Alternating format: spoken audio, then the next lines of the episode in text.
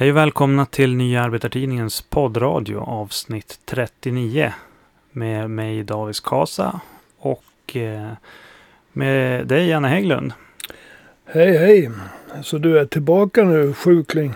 Ja, precis. Jag var ju i, i karantän där några dagar.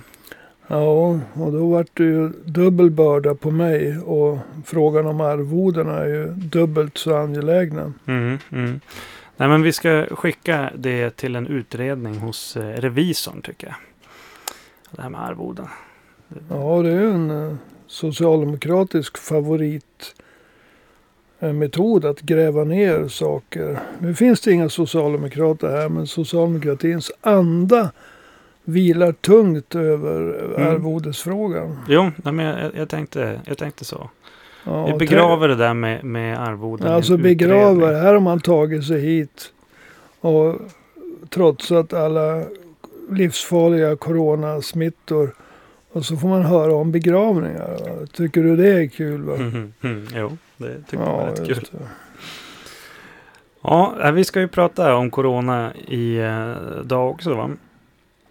Och Ja, det- är ju framförallt eh, den ekonomiska nedgång som har utlösts av coronaviruset som Mm. står på dagordningen idag. Har det någonting att göra med arvoden? Det har ingenting med arvoden att göra. Nej. Men jag vet att du har läst en del av en eh, brittisk socialist och ekonom som heter Michael Roberts. Mhm. Så att du är påläst idag. Ja, det har väl alltid varit. Ja, ja, det är bra. Men eh, om vi går in på ämnet så eh, hur illa ser det ut egentligen? Den ekonomiska krisen. Ja. Eh, det är frågan om det finns någonting som är svartare än svart. Men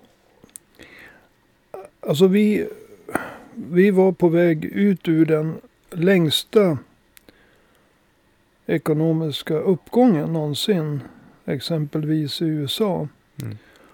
Och då blir det ganska abrupt. Därför att det är många ekonomer som tror att från den längsta ekonomiska uppgången någonsin i USA så kommer det att ske den skarpaste ekonomiska nedgången sedan andra världskriget.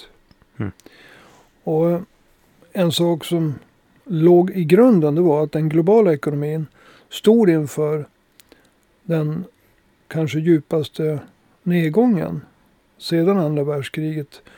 Redan innan coronan, coronapandemin nått sin kulmen. Mm. Och därför var alltså ekonomin sårbar. Ja. Och ehm, det som så här, Fi- Financial Times, Brookings Institute, de säger att det här är första gången, alltså år 2020 blir det första året efter 1945, det var då andra världskriget slutade, som världens bruttonationalprodukt krymper. Mm. Och, och det är en historisk situation. Alltså att för första gången sedan 1945, alltså efter andra världskrigets slut, så kommer världens produktion av varor och tjänster att minska. Det har aldrig hänt alltså på alla de Det, det har aldrig hänt Mm. på, vad blir det, eh, 70 år. Ja, snart 80 år. Men finns det några beräkningar på vad det hela, alltså vad motsvarar det i pengar? Ja, Vad Ja, kostar det? Ja enkelt. vad kostar det? Nej, men om man, de, vad ekonomerna räknar det är ju bortfallet i produktion. Mm. Och om man översätter dollar till kronor så kommer under de kommande två åren så beräknas bortfallet av produktion när det gäller varor och tjänster bli 55 000 miljarder kronor. Alltså, 55 000 miljarder. ja det är 5-5 och så 12 nollor. Ja. Alltså 5 500 miljarder dollar. Ja. Och eftersom en dollar är cirka 10 kronor. Så den siffra jag vill att ni som lyssnar tar med er. Det är 55 000 miljarder kronor. 55 och så 12 nollor kronor. Så stort är värdet av den produktion som faller bort under de kommande två åren. Mm. Och bara för att få någon form av uppfattning. Det är mer än den årliga produktionen totalt sett av varor och tjänster i Japan. Och Japan är en stor ekonomi. Japan är en väldigt, väldigt stor ekonomi. En av världens största. Eh, bara kostnaden i de ja, utvecklade länderna, alltså främst Nordamerika och Europa. Ja.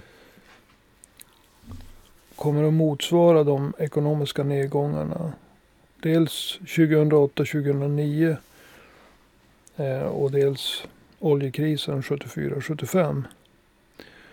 Så att eh, även om olika stater har lanserat gigantiska ekonomiska stödpaket så är det mycket osannolikt att den ekonomiska tillväxten kommer att kunna återgå till nivåerna före krisen. Förrän absolut tidigast år 2022 men troligtvis senare än 2022. Ja. Så det här kommer att bli med san- stor sannolikhet en väldigt, väldigt djup ekonomisk nedgång. Vi är ju fortfarande i inledningen. Men kan man säga någonting om vad effekterna blir på jobben? Det har ju pratats en hel del om, om massarbetslöshet. Alltså man- ekonomi är ju ingen exakt vetenskap. Och inte den dagen en pandemi drabbar dig heller. Men Oxford Economics, de beräknar att 20 miljoner jobb kommer att försvinna i USA. Och i den ekonomiska och politiska historien så pratar man om the great depression, alltså den stora depressionen, Mm. 30-talskrisen. Och om 20 miljoner jobb, och det beräknar alltså Oxford Economics, att det kommer att försvinna i USA nu. Mm. Så kommer arbetslösheten i USA att vara den högsta någon gång efter den ekonomiska depressionen. Så det kommer aldrig ha, att ha varit en så stor arbetslöshet i USA som det kommer att bli nu. Mm. Efter den stora depressionen på 30-talet. Det här kommer att vara det värsta sedan dess. Ja. Och det är i en utvecklad ekonomi som USA. Tittar vi på de, det vi kallar tillväxtekonomier i Asien, Latinamerika och Afrika. Så är många av dem beroende av råvaror. Och råvarupriserna har sjunkit ända sedan den förra nedgången 2008-2009. Mm. Och nu riskerar pandemin att förvärra situationen.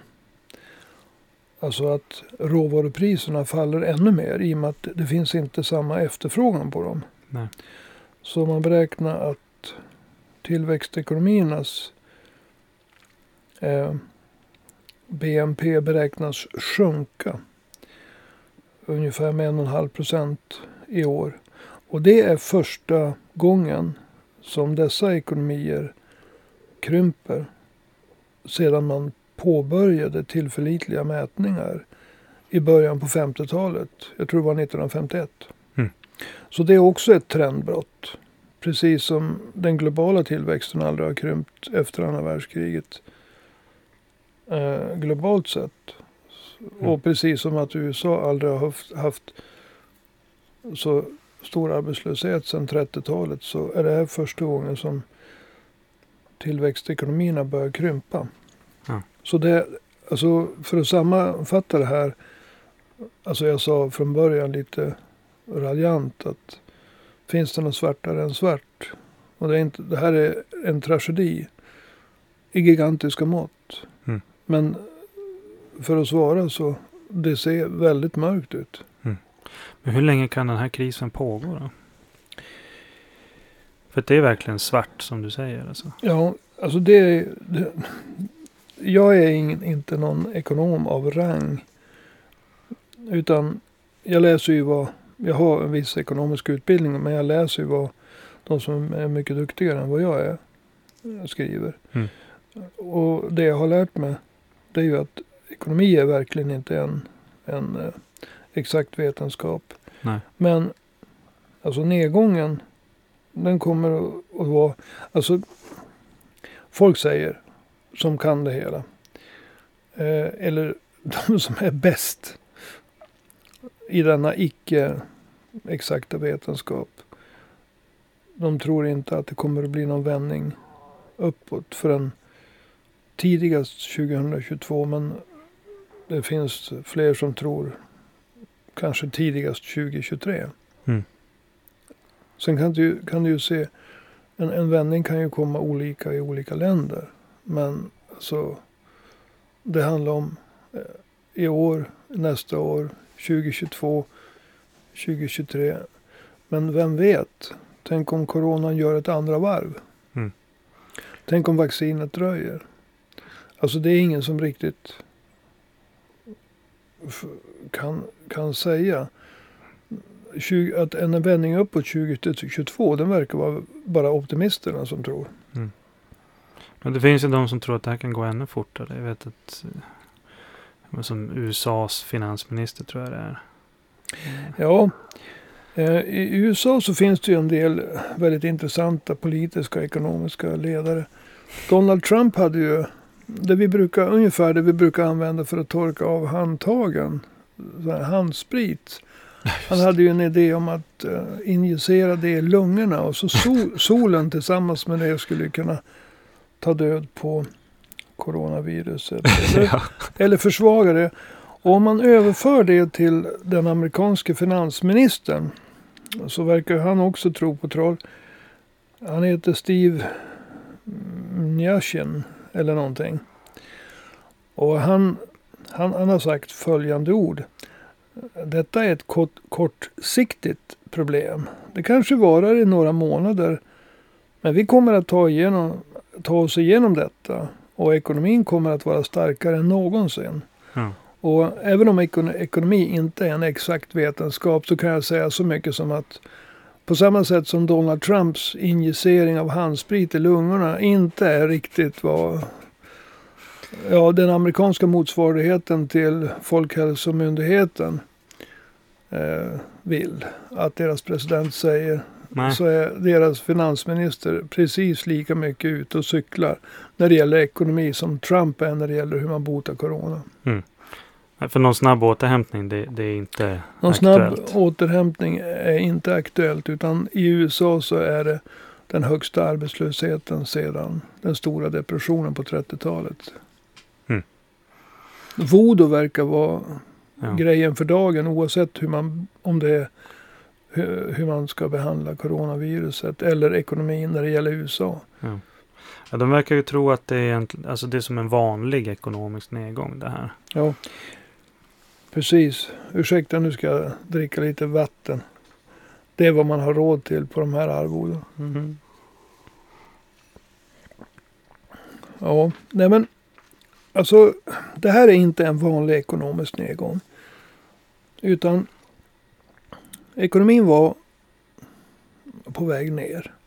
När den rammades av coronapandemin. Mm.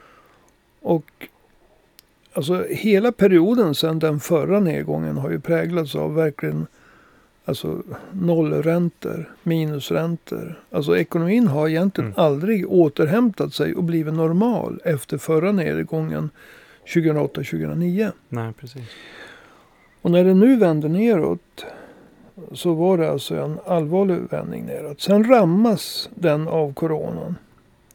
Vilket garanterar att den kommer att vara nere. Alltså nedgången kommer att bli längre.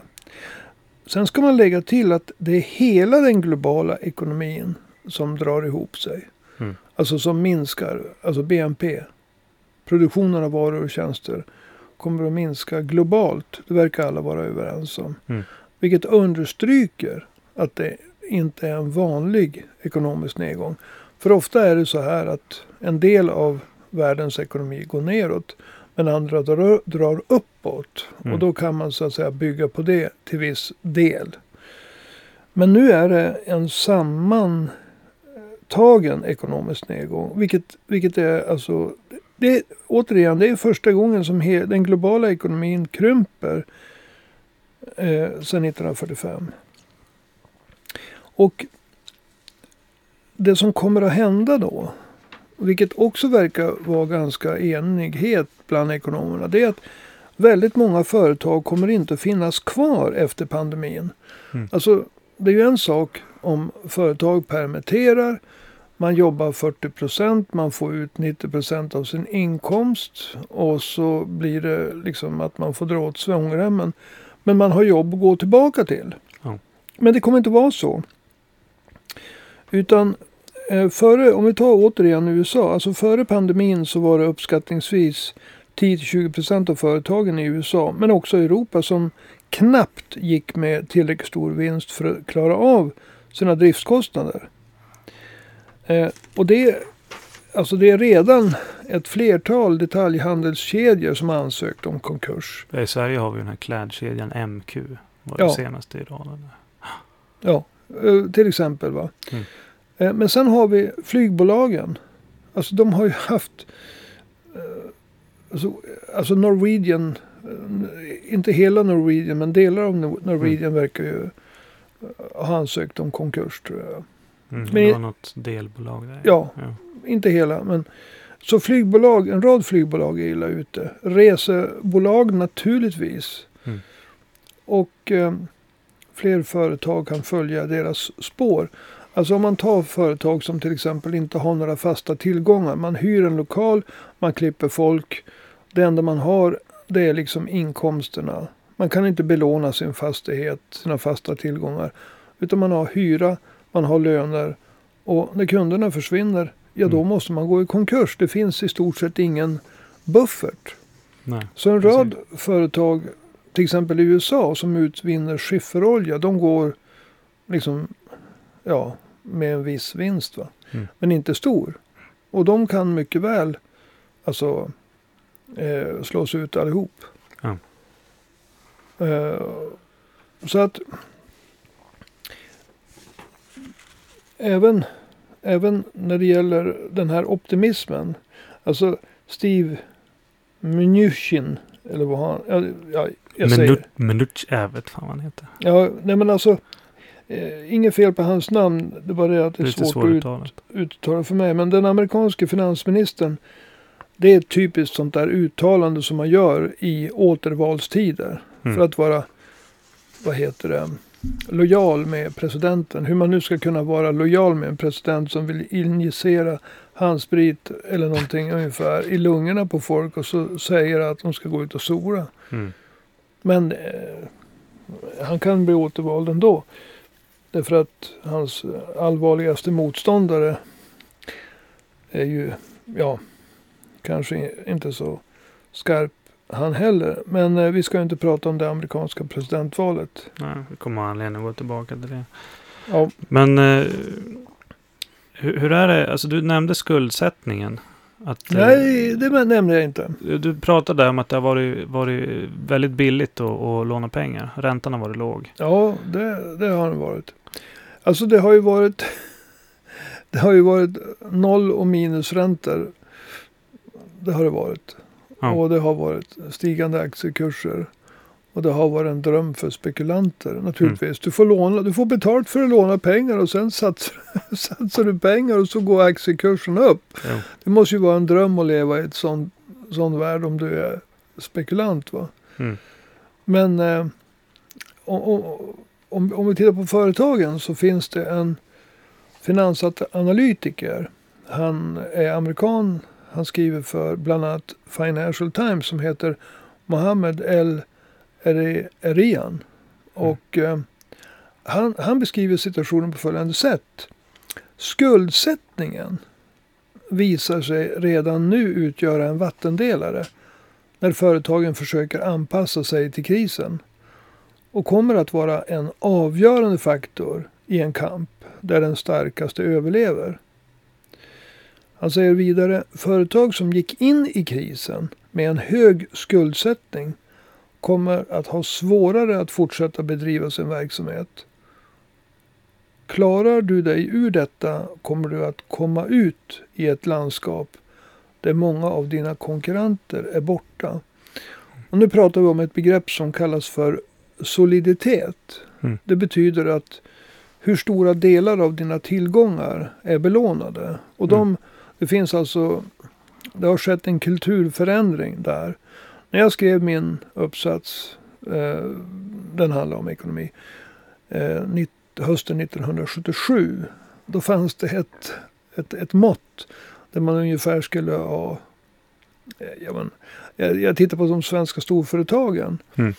Och direkt efter kriget så hade de en 50-procentig skuldsättning. Soliditeten var 50 procent. Mm. Och när jag gjorde min uppsats så låg soliditet, soliditeten på någonstans mellan 20 och 25 procent för Mm. de största svenska företagen. Men sen dess så har ju Alltså det, om man har en soliditet på 20 procent då betyder det att man har lånat till 80 procent av sina tillgångar. Mm. Men idag så är det ju många företag som har en soliditet på 2 procent. Det det säga, var ju något företag, jag minns när det var krisen 2008-2009, hittade vi ett företag som hade minus i soliditet. De hade mer lån än tillgångar. ja, men, så kulturen har ju så att säga i noll och minusräntans värld. Ja. Men långt före det. Alltså trenden har funnits under hela andra världskriget. Att man lånar till allt större del av sina fasta tillgångar.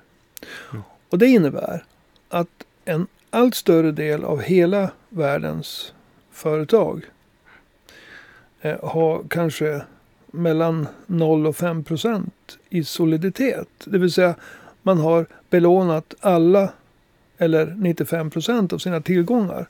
Mm. Kommer då en ekonomisk nedgång så har man väldigt lite att spela på. Alltså en väldigt liten buffert.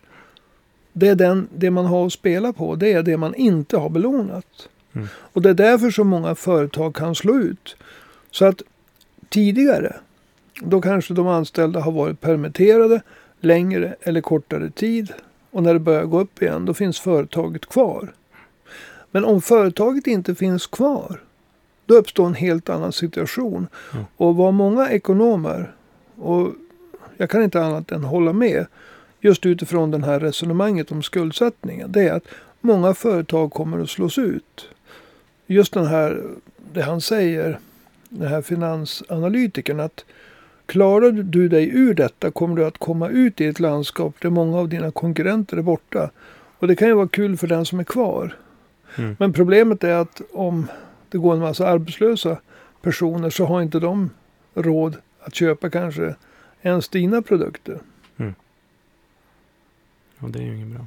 Och det är inget bra för den som har överlevt. Men eh, om vi avrundar den här delen här då. Så, alltså, det verkar som att vi får vänta länge helt enkelt innan det vänder uppåt. För att det, det här är ingen vanlig kris.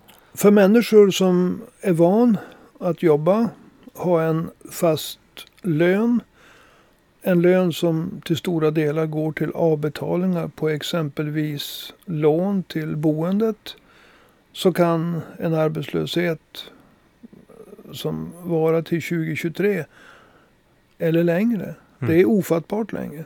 Ja. Alltså det kan vara skillnad mellan att kunna behålla sitt boende eller inte. Ja. Så det kommer att dröja länge för många människor. Det kan tänkas gå upp tidigare för andra. Mm. Och det finns alltid några som klarar sig bra. Jo. Svensk skogsindustri verkar hittills ha klarat sig bra. Men svensk turistnäring klarar sig inte bra. Precis. Ja, vi ska ta och byta lite spår här.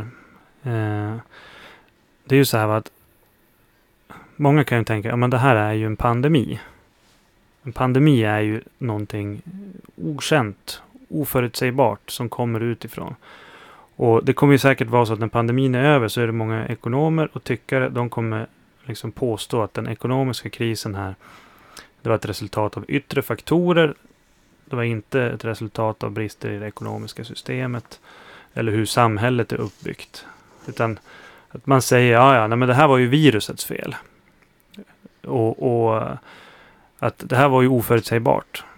Men, men kan man argumentera på det viset? Att det var viruset fel, det var oförutsägbart? Ja, så att det var oförutsägbart. Det finns ju två sidor. Eh, vi ska belysa båda. Å ena sidan så kan man inte datera när ett virus, en, en pandemi, som ju är ett virus som sprider sig över flera kontinenter. Mm. Vilken dag, vilken vecka, vilken månad eller ens vilket år det kommer. Mm. Däremot så kan man vara ganska säker på att det kommer. Mm. Men just det här med liksom att det bara var pandemins fel. Alltså jag, jag säger igen. Alltså redan före coronavirusets utbrott så var de flesta större eh, ekonomier som har det kapitalistiska ekonomiska systemet, marknadsekonomi, privatägande, aktiemarknader. De var på väg in i en nedgång. Eh, och i vissa länder så hade nedgången till och med gått så långt att ländernas BNP hade börjat krympa. Mm.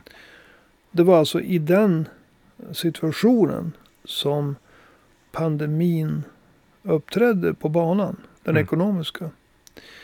Det är alltid så för de som förklar, försvarar det kapitalistiska ekonomiska systemet. Och jag säger det igen. Vad, vad jag menar med kapitalism det är alltså marknadsekonomi.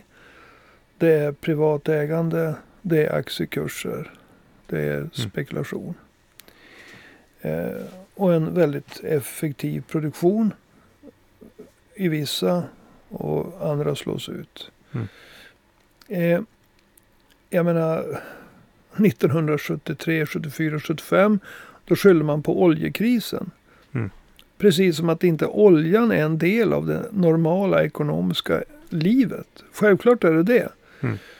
Men även då så eh, höjde OPEC oljepriset i ett läge då ekonomin var i inbromsning. Och den förra ekonomiska nedgången som ju hade en koppling med, mellan banker och boende så förekom det väldigt konstiga värdepapper. Jo, precis. Men det finns alltid någon form av... Nej men det, det, i, bara allt funkar så kommer allt att funka. Det är ju Mm. en taftalogi. Jo. Jag menar den ekonomiska situationen i en kapitalistisk ekonomi. Det är att kriser uppträder med jämna mellanrum. En del djupare och andra mindre djupa. Mm. Och konstigheter uppträder med också med jämna mellanrum. Eh, som till exempel att någon höjer oljepriset som har tillgång på olja. Varför ska man inte göra det? Det är en del av den kapitalistiska ekonomin. Mm. Logiken. Så att eh, Men, men om, vi, om vi går tillbaka, ett nytt virus. Det är ju ändå ett nytt virus. Hur ska man kunna förutsäga någonting sånt? ja, det, det är mycket intressant. Eh, låt oss titta. Det, alltså WHO, Världshälsoorganisationen, de höll år 2018, det är två år sedan, ett möte i Genève. Mm. Och där fanns det en grupp pandemiexperter som myntade begreppet sjukdom X. Ja. Och de förutspådde att nästa pandemi skulle orsakas av ett nytt och tidigare okänt virus som inte tidigare hade smittat människor. Och denna sjukdom X, och jag ska läsa till här. Jag, jag, jag läser till.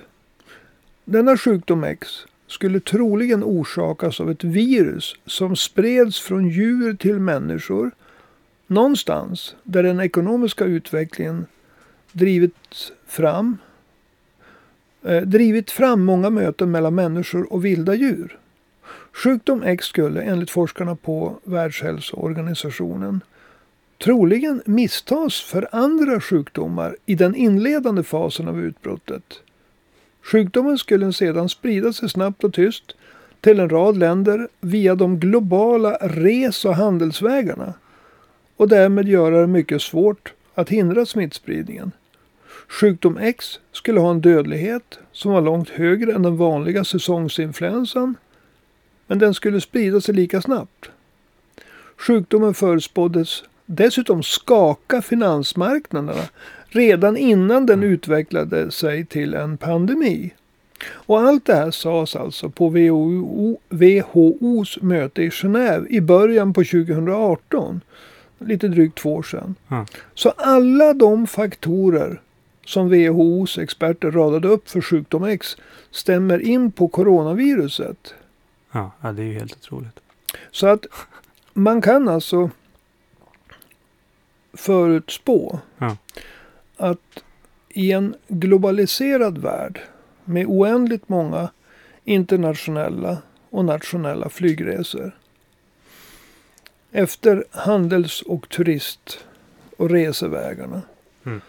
Så kommer en pandemi, ett virus att sprida sig nästan lika snabbt som nedgångarna på aktiebörserna. Det Mm. finns ju en underbar parallell för den som gillar sånt. Alltså att viruset spred sig lika snabbt som nedgången på aktiebörserna spred sig. Jo. Och det är ju en, vad heter det, sak som forskarna om pandemier sa. De sa att det skulle drabba finansmarknaderna. Så att Mm. det är uppenbart att virologerna är, borde bli de nya aktiespekulanterna. Precis. Men du, du nämnde ju här och, om globaliseringen, handels och resvägarna. Det för ju in tankarna på faktiskt min sista fråga här som handlar om alltså hur, hur har utvecklingen av det mänskliga samhället påverkat möjligheterna för alltså en sån här pandemi att, spridas? Du nämnde ju res och handelsvägarna. Ja, alltså de människor som in, bara ser saker ensidigt. För det är ju helt klart att en vä- världshandeln leder till att olika länder, alltså i stort. Mm. Olika länder, olika företag gör vad, man är bäst på. Och det ökar produktiviteten. Så jag menar, vi är inte för att man inte ska ha en världshandel. Vi är inte för vi är inte emot en specialisering. Vi vill inte att vi ska återgå till ett bondesamhälle där varje gård gör sin egen gröt Nej, och sina egna liksom, små odlingar på två gånger två kvadratmeter i Västerbotten. För att Mm. nu liksom raljera lite. Utan vi är för handel. Men man måste också ta hänsyn till hur saker och ting sker. Ja. Eh, jag skulle vilja ta upp vad en biolog som heter Rob Wallace säger. Han anser att pandemier inte bara utgör en del av det mänskliga samhället. Utan pandemier skapas genom sättet på vilket samhället är uppbyggt. Han, han, han, han nämner digerdöden. Den spreds till Europa via den växande handeln längs Sidenvägen på 1300-talet. Och nya former av influensa har inte sällan dykt upp i samband med just djuruppfödning. Ebolaviruset, sars, mers och dagens coronavirus har på olika sätt spridits från vilda djur till människor. Mm. Pandemier börjar ofta som virus i djur som sedan hoppar över till människor. Och risken för att virus ska göra det här hoppet, det ökar ju väldigt mycket i takt med att människan eh, exploaterar naturresurser på ett slarvigt, brutalt sätt. Mm. Som liksom för det mänskliga samhället närmare vilda djur som människor annars inte skulle komma i kontakt med. Eller också kan man ju vända på det hela. Alltså att det mänskliga samhället flyttas även närmare de vilda djuren genom att det pågår en omfattande handel med vilda djur som fraktas in och visas upp mitt i storstäder. Mm. Ja, det var ju i Wuhan, den där marknaden. Ja. där. Vägbyggen, skogsavverkning, markröjning, jordbruk i kombination med global handel. Det skapar ju en enorm kontakt mellan det moderna samhället och, och de vilda djuren. Mm. Och det sker ofta ett brutalt möte. Eh, Mm. Å ena sidan så är det djuren som förlorar på det. Å andra sidan så skapar den här kontakten som sker på ett brutalt och ogenomtänkt sätt också pandemier. Mm. Så det jag skulle vilja säga det är att vi, vi kan inte se pandemin som någonting eh, som, ett av, som en avvikelse. Utan när vi tittar framåt. Den här kontakten mellan eh, samhället brutala kontakten mellan samhället och vilda djur. Den kommer bara öka och öka. Mm. Samtidigt, den globala, det globala resandet, handelsvägarna kommer bara öka och öka. Mm. Alltså pandemier kommer att vara ett naturligt, ett, ett tragiskt naturligt, men, men ett tragiskt men naturligt inslag i samhället. Mm. Och vi måste redan nu förbereda oss på nästa pandemi. Just det. Eh, har du någonting mer som du vill tillägga? För jag har slutfrågor. Alltså, jag har alltid varit, åtminstone sedan 1975, organiserad socialist. Och jag är en passionerad anhängare av demokratiska fri och rättigheter, yttrandefrihet, tryckfrihet, fria val Mm. och så vidare. Å ena sidan.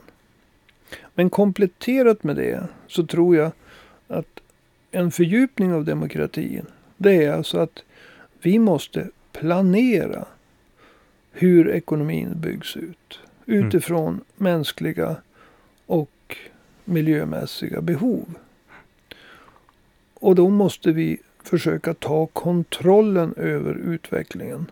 Därför den här okontrollerade utvecklingen kommer att leda till okontrollerade pandemier och ekonomiska kriser. Det är eh, de sista orden innan jag ska börja gnälla på de uteblivna arvodena. All right. Ja, men du, jag får tacka så mycket Ja, för idag. du, du tackade snabbt där när frågan om, om arvoden kom upp. Mm, mm, jag ser att du la märke till den saken. Ja, Nej, men som sagt, vi har ju faktiskt en utredning på gång när det gäller dina arvoden. Och eh, den ska ju presenteras då för något utskott, tänker jag någon gång sådär. Jag menar, vi kan ju inte börja med den förrän pandemin är över. Så, men, och du pratar om den ekonomiska krisen. Så att, men låt oss säga att utredningen presenteras 2025. Eh, så, så kan vi ta det därifrån. det låter som Socialdemokraternas socialistutredning som tog 30 år och sen la man ner den. Exakt. Nej men du, eh, vi, vi får tacka så mycket eh, för idag, till, även till dig som har lyssnat. Och glöm inte att vill du följa nyheter, analyser, statistik, förklaringar och tips på vad man kan göra om man tvingas sitta isolerad hemma i karantän som jag fick göra förra veckan. Så har vi en speciell del på arbetartidningen.se där du kan läsa det i coronadelen på hemsidan. Arbetartidningen.se Tycker du att podden är bra och eh, vill eh, börja bygga upp en eh, arvodeskassa åt Janne så får du gärna swisha ett bidrag. Du skickar till 123 504 7105 123 504 05 Och inget bidrag är för stort så att det är bara att swisha på. Och eh, vi hörs igen nästa vecka. Hej då!